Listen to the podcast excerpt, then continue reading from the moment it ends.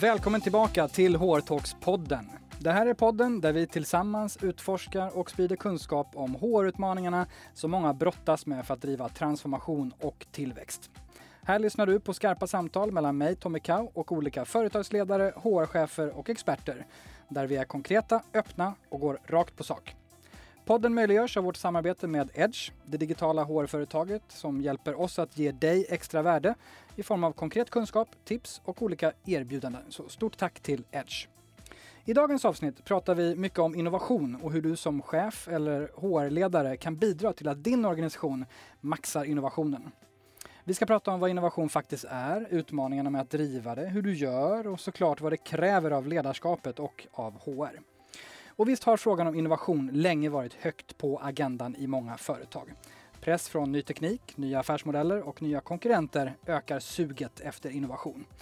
Konsultjätten EY noterar också att just rollen Chief Innovation Officer är en av de mest frekvent tillkomna rollerna i ledningsgrupperna de senaste åren.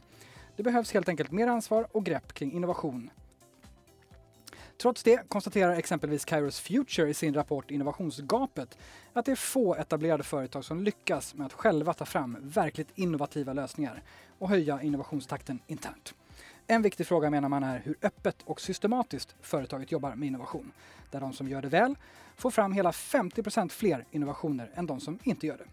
Och enligt PWCs globala CEO Study 2020 är en annan viktig drivare för innovation direkt kopplat till HR, nämligen kompetensutveckling. Den som jobbar fokuserat och systematiskt med detta når en högre grad av innovation, konstaterar undersökningen. Därför ska vi prata mer i denna podd om HR-utmaningar, just om hur du driver innovation. För att göra det har vi bjudit in en gäst som har svart bälte i detta. Hon har på olika sätt jobbat med entreprenörskap och innovation hela sin karriär. Hon var under flera år chef för innovationskontoret på Stockholms universitet och ansvarig för att stötta och kommersialisera forskares och studenters innovationer. Hon har varit global innovationschef på Nordens största IT-bolag Tieto. Hon är vida uppmärksammad för sitt ledarskap och har bland annat blivit utsedd till framtidens kvinnliga ledare, Sveriges mäktigaste affärskvinna, supertalang och årets IT-kvinna. Idag är hon entreprenör, investerare, rådgivare och grundare av Futuristas. Ja, hon heter såklart Ishtar Twilight och nu drar vi igång dagens skarpa samtal.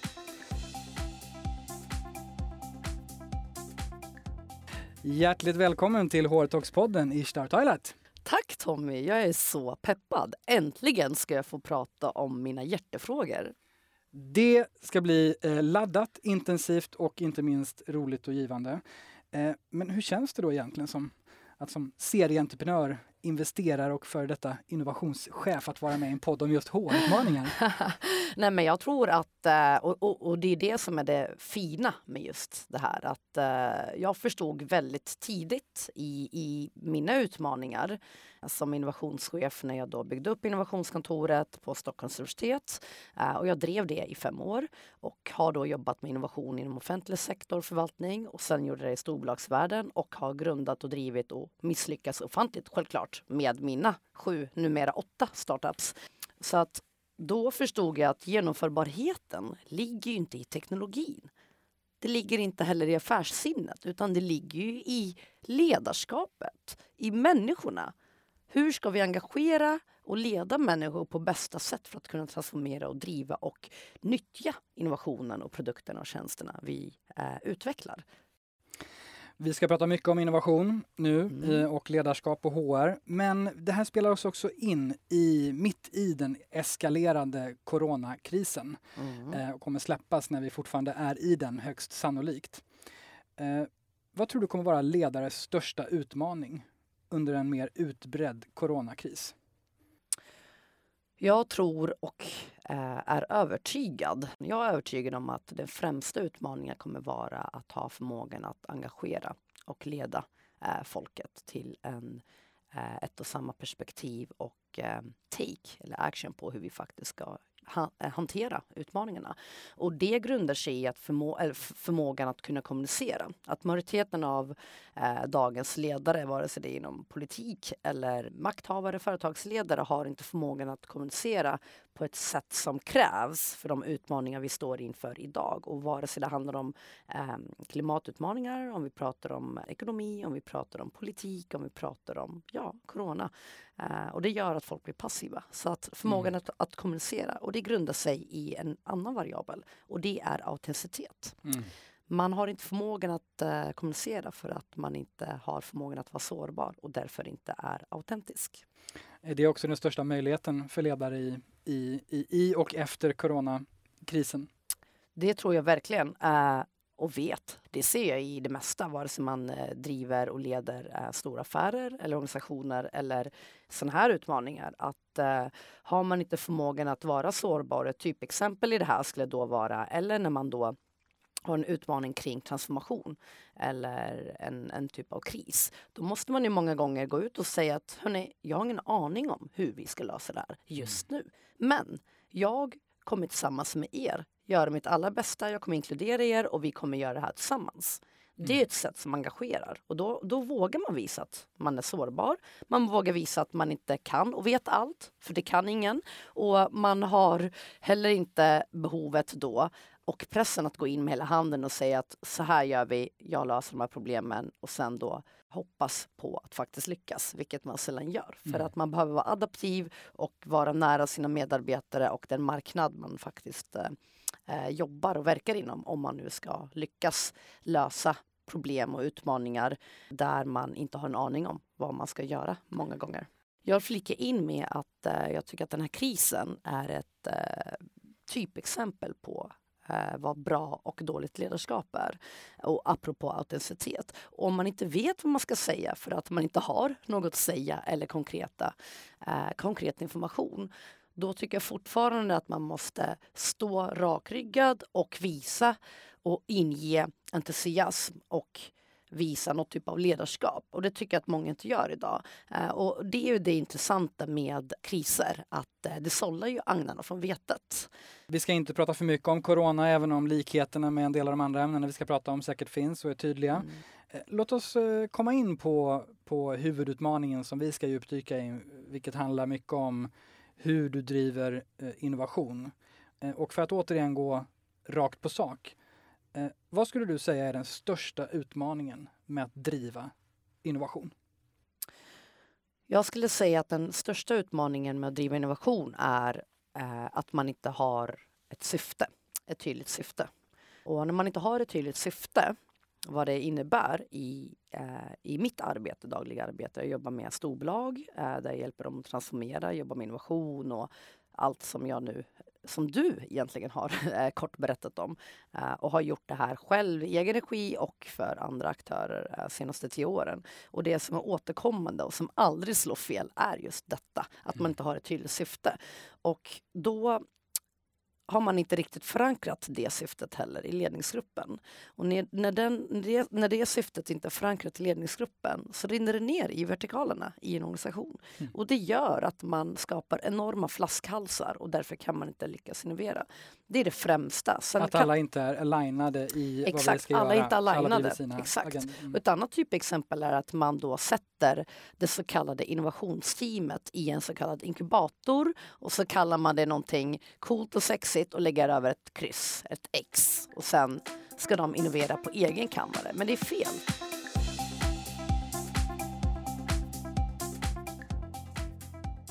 det här innovationsgänget ska ju lära ut det entreprenöriella lärandet i organisationen. Få in det nya blodet så att alla kan lära sig att hålla sig up to date och eh, göra det crossfunktionellt. Exempelvis om man har en organisation som har fyra, fem olika vertikaler, låt oss säga ett IT-bolag som har sjukvård, som har finansiella sektorn, som har eh, energisektorn och som kanske har retail manufacturing. Då skulle man kunna jobba inom domänerna eller en domän som har både finansiella sektorn och häl hälsosektorn. Där kan man göra väldigt mycket men då måste man få med medarbetare från båda vertikalerna. Mm. Och det kan man inte göra om man jobbar på egen kammare. Och framförallt så lyckas man inte lösa verkliga problem för att man har ingen aning om den bransch, industri man verkar inom. För sen behöver man jobba med early adopters som jag brukar säga. Att man behöver få in de, de potentiella kunderna eller partnerserna tidigt, nästan från dag ett för att kunna validera det problemet man har identifierat. Är det här ett verkligt problem eller är det en slump? Och den hypotesen man har behöver man validera med de som är tänkt att betala för den eller nyttja den. Eh, och det kan vara betalande kunder, storbolag och så kan det vara användare, konsumenter som dig och mig. Och det behöver man förstå tidigt. För att det är tre huvudsakliga frågor man behöver beta av genom hela innovationsprocessen. Det är, finns det ett verkligt problem? Eller är det en slump? Mm. Nummer två, är någon villig betala för det? Om ja, nummer tre, hur mycket? Så det behöver man som entreprenör, intraprenör och som ledare förstå. Och uh, nu pratar vi ju och kommer prata mycket om HR och då behöver man förstå hur ska vi disrupta och innovera inom HR? Då behöver vi alla inom HR börja förstå metodologierna mm, inom mm. Mm innovationsprocessen. Och hur kan HR stötta den här resan som du pratar om? Exakt. Inte minst det du Exakt. var inne på precis Exakt. i början när vi, när vi pratade. Men jag tänker på, vi, vi kommer tillbaka till liksom, hantverket kring att driva innovation. Mm. Du, du sa en intressant sak i början där som handlar om att eh, det är väldigt lockande att eh, lägga ett par människor ute i vänstra hörnet och sätta ett X ovanpå dörren. Mm. Vad har du lärt dig i och med att du jobbar med så många bolag och har varit inne själv? Vad är det som är så lockande med att göra just så kontra det du egentligen förespråkar? Det är enkelt. Man frånskjuter sig ansvaret. Skiter det sig så kan man skylla på dem. Du tänker att man som medlem i de här silosen eller cheferna? Ja, det är väldigt enkelt. Uh, och uh, de får jobba lite på egen kammare och man behöver inte lägga så mycket manuell handpåläggning. Jag skulle säga att man frånskjuter sig ansvaret väldigt mycket utan att veta om det. För det är många som inte förstår och det är många som inte vet bättre. Hur gör man det här? Och det är ett enormt stort förändringsarbete att göra det inhouse genom alla vertikaler. Det kräver enormt mycket arbete och framförallt ledarskap. Det kräver framförallt att alla ledare behöver vara alignade som vi pratade om innan. Oftast är det inte så och det ser man ju, det ser jag, det har jag sett de senaste tio åren att majoriteten av alla ledare ser innovation som någon motsvarighet till hållbarhet. Att äh, vi gör det när, det när det passar, men affärer går först. det. Och det är lite fint tycker jag. Um, och uh, väldigt typiskt och då menar man inte allvar. Och en annan del är ju också att man menar heller inte allvar när man inte har en mångfald i ledningsgruppen eller i organisationen. Hur har man tänkt lösa och driva innovation när alla ser på problem och utmaningar på ett och samma sätt? Mm. Uh, det är ett problem. Och uh, jag har ju typ exempel där jag blev kallad till ett uh, ledningsmöte där man då ville ha in mig i ledningsgruppen där jag ska jobba med just de här frågorna. Och så eh, mina främsta, eller första frågor var just där. Hur jobbar ni med mångfald? Hur jobbar ni med talent management? Hur jobbar ni med att rekrytera talanger? Och framförallt behålla dem, för det mm. hade jag ju velat veta. Mm. Och de blev nog lite ställda för de trodde att jag skulle prata om teknologi och innovation direkt. Och de hade inte bra svar enligt mig. Framförallt inte på hur de skulle lösa mångfaldsfrågan. Och för mig handlar det inte om att få in eh, lika många kvinnor som män, även om det är också en hjärtefråga. Att få in kvinnor i, i näringslivet, eh, i ledande befattningar, men också hur får vi in människor av mångfald? Olika erfarenheter, olika synsätt på att lösa problem, kommer från olika skolor, kommer från olika intressen och så vidare. Mm. Och eh, ja, det fick jag inget svar på. Nej, och, då tänk, och, då sa jag det att hörni, ni, ni kommer inte lyckas med att driva innovation. Tyvärr.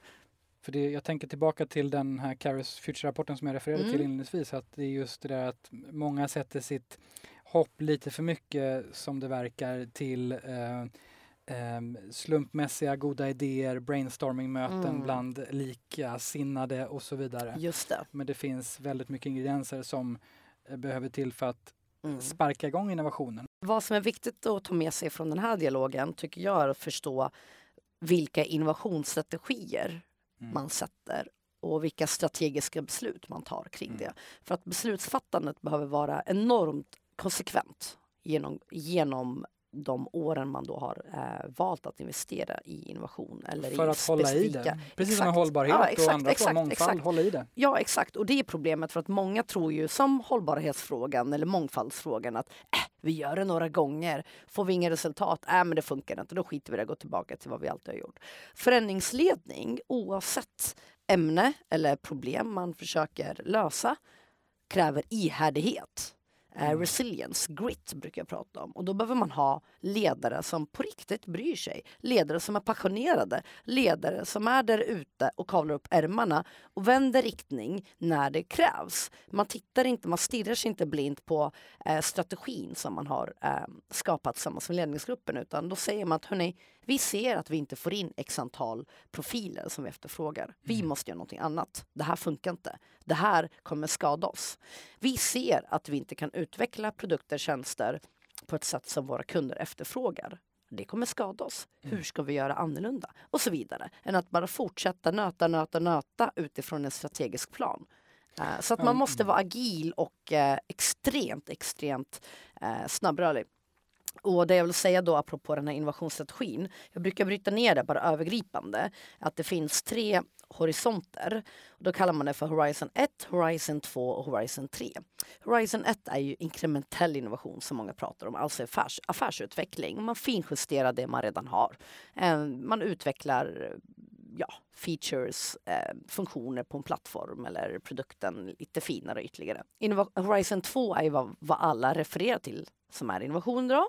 Och det hinner vi inte prata om. Men Horizon 3 är det intressanta här. Och det är där många fastnar, apropå inte ha ett tydligt syfte. Och det är att eh, Horizon 3 är ju produkter, tjänster, innovationer som kommer disrupta en hel bransch eller industri kommande fem, åtta åren. Mm. Och där vill ju alla vara för det är sexigt och coolt. Men problemet är ju att man har inte satt syftet och det är inte förankrat och alignat med resten av organisationens kärnverksamhet och eh, vision framåt. Och det gör då, om man då väljer Horizon 3 som exempelvis då, att när man väl då börjar utveckla de här produkterna, framtida teknologier, vi pratar om AI, blockchain, vi pratar om, ja, framtida teknologier helt enkelt, då har man inte råd eller återigen som vi pratade om innan, ihärdighet Nej, att driva det vidare, tålamodet. Nej men det kostar för mycket pengar. Nej men vad då får vi en avkastning om fem år? Vi hade ju tänkt att vi ska få en avkastning om två år. Mm. Jaha, åtta år? Nej men det har vi inte råd med. Eh, och det gör att man tappar talanger för att folk vill inte jobba under en sån ängslig ledning, tyvärr. Jag vill tacka vår samarbetspartner, digitala HR-företaget Edge. Vill du som HR-ledare eller chef få konkret hjälp med att förenkla och effektivisera ditt HR-arbete i den rådande coronakrisen? Då tycker jag att du kostnadsfritt ska prova på Edge digitala kunskapsbank där du kan få användbar och aktuell information för att ta dig igenom de HR-utmaningar som coronautbrottet medför. Behöver du dessutom snabb experthjälp finns deras digitala tjänst Helpline där du får svar på mer specifika frågor av en HR och arbetsrättsexpert inom 24 timmar. Edge är en del av HR-koncernen Wise Group och hjälper redan över 3000 kunder med tillgång till mallar, dokument, checklistor, kalkyler och svar på alla frågor inom HR. Och det bästa av allt är att du kan komma igång nu direkt online och i mobilen. Som lyssnare till HR-talks-podden kan du nu registrera dig för en förlängd 14 dagars gratis prova på-period. Registrera dig enkelt direkt på edgehr.se hrtalks. Men Isha, du, har ju, du är en av de som har jobbat eh, mycket med det här, men du har också lyckats med innovation. Vad är det som har gjort att, att du har varit så duktig på det? Jag skulle säga främst så är jag ju en, eh, ett wildcard om man tittar på, på min profil och mitt sätt att jobba, the way of working i ett storbolag, i en storbolagsmiljö.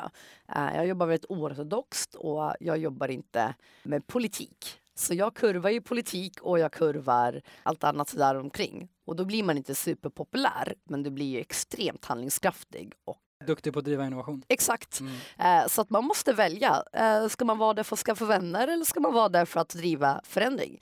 Och det är ett väldigt krasst sätt att uttrycka sig på, men det är också dessvärre sanningen. Mm. Innovationschefer har ju ett omöjligt uppdrag, ett självmordsuppdrag mer eller mindre. De ska ju få Mount Everest att flyta till vatten. Eh, och då kan mm. man inte gå runt och klappa alla medhårs utan då måste man köra och gå in med hela handen och säga nu gör vi det här, vi backar inte, vi tummar inte på det och vi kör. Och mm. sen tar man många gånger fel beslut för att man har ingen aning om vilken domän man verkar inom. Många gånger återigen som jag pratade om innan, är man inom Horizon 3. Vi jobbar med produkter, tjänster, utvecklar produkter, tjänster som ska existera och påverka en bransch om fem, åtta år vi jobbar i blackbox, vi jobbar många gånger i det okända. Då måste du vara extremt oortodox i ditt ledarskap och du måste ha extrem förmåga att kommunicera och få med dig och engagera medarbetare. För dem att känna att de är med varje dag, inte kvartalvis, inte på årsbasis. Varje dag måste du ha förmåga att kommunicera ut varför det här är viktigt och varför de är med på den här resan och vad vårt arbete, hur det kan påverka och nyttiggöra för resten av samhället. Mm. Det skapar ju ett syftesdrivet ledarskap och syftesdriven organisation. Och då vill folk också stanna för att då vet de att de jobbar för något större än sig själva. De vet att exempelvis, jag drev ju olika AI-satsningar inom sjukvården. Då visste man att ja, det är galet, det är väldigt eh, högt i tak och det är liksom, vi jobbar ju hela tiden för att kunna lösa de här problemen. Men vi utvecklar också produkter och tjänster som är för ett nyttiggörande för resten av samhället där vi alla kan få bättre vård. Mm. Eh, du har ju lyckats väldigt väl med att driva innovation, har vi, har vi pratat om. Eh, men jag tänker i och med att du har jobbat så mycket med innovation, vad har du själv misslyckats med? Och vi pratar om misslyckande. Att äntligen, ja, äntligen! äntligen. För fan vad det är tråkigt att prata om framgångar. För att eh, jag har ju misslyckats ofantligt och gjort bort mig ofantligt mycket och många gånger. Och det gör jag fortfarande, troligtvis senast idag. Och det är viktigt för att annars kommer man inte fram jag tror ett, ett av mina största aha moments det var när jag förstod att eh, apropå vi pratade tidigare om generation Z och millennials men också att jag inte förstod det faktiska värdet de föregående generationerna hade i mitt innovationsarbete. Och det var ju att de har ju någonting som jag aldrig, aldrig kommer ha förrän om 30 år. Och det, är inte ba- och det är inte bara erfarenhet. Mm. Det är något helt annat. Det är branschlogik. Och branschlogik, när du innoverar, transformerar och blickar framåt, är en enormt kritisk framgångsfaktor. Alltså det, det är en av de främsta skulle jag säga. Och jag har aldrig hört någon prata om det. Uh, jag, om jag får reflektera lite så, du, du pratade inledningsvis om de här inkubatorerna och X-delarna. Mm, mm. Ofta kastar man in folk där som inte kommer från branschen heller. Nej, för att exakt, du ska få helt exakt, nya exakt, och så exakt. Men det var jätteintressant. Ja, nej, men, så jag designar lite olika modeller för att kunna driva det eh, långsiktigt och hållbart. Och om man tittar på mina team så är det ju eh, industriexperter inom de domäner industrier ska vara inom. Eh, galna entreprenörer som mig, esteter, designers, eh, datasystemvetare, professorer och så vidare. Så det är en enorm mångfald där vi faktiskt har lyckats lösa problemen på grund av våra olika sätt att se på problemen. Utmaningen här och vart jag också har misslyckats ofantligt mycket är ju att ha förmågan att kunna leda sådana team där alla talar olika språk. När jag släppte de förväntningarna och gick då in återigen och var sårbar och sa att hörni, ni är äldre än mig, ni, majoriteten av er har bra mycket mer erfarenhet och eh, kompetens kring respektive frågor. Jag kommer bara vara er facilitator och mm. leda det här framåt. Mm. Då släppte alla garden. Och det tycker jag var enormt viktigt att kunna ta med sig eh, tidigt.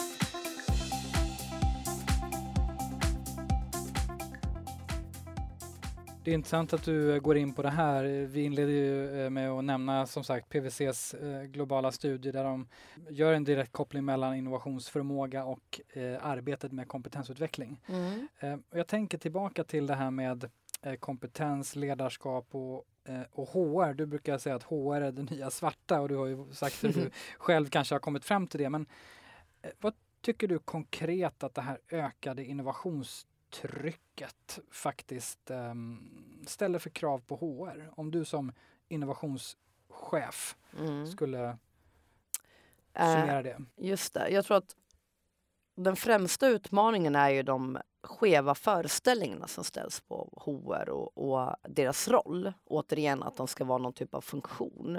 Jag skulle vilja se eh, HR bli mer business, förflytta sig om man tittar rent illustrativt på en organisationskarta. Att jag skulle vilja ha HR som at the heart of the business strategy. Jag vill ha dem i hjärtat av kärnverksamheten och de ska vara det faktiska hjärtat i kroppen. Och de behöver då bli mer affärsmässiga helt enkelt. Mm. Och jag ser dem som en, en framtidskomponent för framtida affärer. För vi kommer behöva bygga nätverksbaserade organisationer.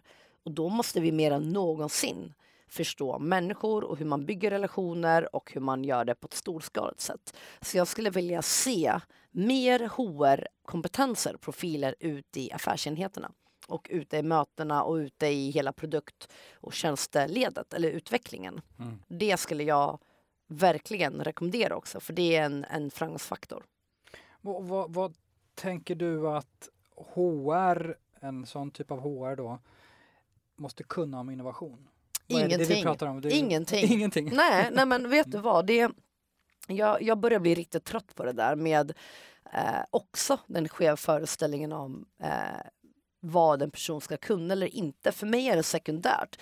Om du är passionerad, om du är öppen, om du är coachable, om du är hungrig, om du är nyfiken, om du har förmåga att förstå olikheter, jobba med andra människor, om du är en teamplayer, jobba med mig så kommer det bli bra.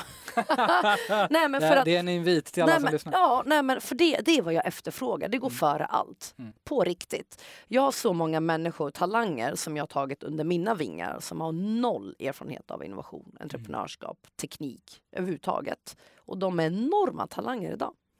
Men om man säger så här istället då, eh, för att kunna stötta innovationschefer eh, eller företag för att driva innovation med hela den här paletten av verktyg och, och ansvar som man själv sitter med, rekrytering, learning, eh, belöning och performance, ledarskapsutveckling och så vidare. Vad behöver man kanske förstå då om innovation och utmaningarna med det för att kunna stötta det på ett bra sätt med hela sin arsenal av eh, kompetenser och verktyg? Vad, vad tänker du liksom Mm. Det de man behöver grejerna? förstå som HR är främst eh, hur man ser på talanger, eh, hur man behöver rekrytera på ett nytt sätt. Den, hela den processen behöver man omdesigna. Människor som mig finner sig inte i, i en, en, en, eh, en traditionell rekryteringsprocess. Människor som mig finner sig inte att göra specifika tester för att passa in i en ram. Jag har fått eh, många förfrågningar för faktiskt ett uppdrag, chefsposition, befattning på ett storbolag där man då ville att jag skulle göra ett eh, IQ-test. För att då resonerar man att om, om hon har högt IQ så kommer hon då vara en bra chef. Och då tänker jag, ja, högt IQ, vad innebär det? Ja, det innebär ju att ha förmågan att lösa problem, problem vara en problemlösare, absolut, och kunna rationalisera. Men vad händer med EQ? Förmågan att förstå andra, förmågan, förmågan att leda och sympatisera med andra. Vad händer med XQ? Förmågan att exekvera. Förmågan att faktiskt ta ansvar när problem uppstår. Eh, och då sa jag så här, hörni, eh, jag ska jobba med de kreativa delarna. Jag ska jobba med leda, inte bara stora projekt, storskaliga teknikprojekt eller innovationsprojekt, transformation. Jag ska leda människor. Det jag behöver är något helt annat. Om ni inte förstår det, eh, då är inte jag rätt person för er. Så att eh, jag kommer inte göra det här testet. Så då var jag den första under hela den, det bolagets organisation, eller tid, de har ju funnits i nästan 50 år, som slapp göra det här testet. Det är typ typexempel på hur man behöver se på människor, kompetens på ett nytt sätt för att kunna attrahera dem. Och gör det möjligt för olikheter att komma in Ja. eh, och inte tillbaka till början Nej, hamna ute exakt. i X Exakt. utan finnas inne i Exakt. organisationen. Så dels det skulle jag vilja säga, men också så skulle jag vilja säga att HR hjälper eh, inte bara innovationsteamet men andra att kunna jobba på ett innovativt sätt. För alla behöver göra det och det skulle HR kunna göra. Vad kan Så det vara? HR, nej men HR kan vara ambassadörer, de kan vara innovationsagenter som hjälper det nya blodet, de nya medarbetarna som kommer in. Hur blir ni entreprenöriella? Hur blir ni agila? Hur jobbar ni på ett sätt där vi kan eh, bli mer konkurrenskraftiga? Hur kan vi bygga en kultur från dag ett? Och så vidare. och Så vidare. Så det kan bli deras nya hatt. Det kanske är den viktigaste hatten skulle jag vilja påstå. Stort tack eh, Ishtar eh, för att du ville vara med oss i HR-talks-podden. Det har varit ett sant nöje och otroligt eh, givande. Tack! Tack själv!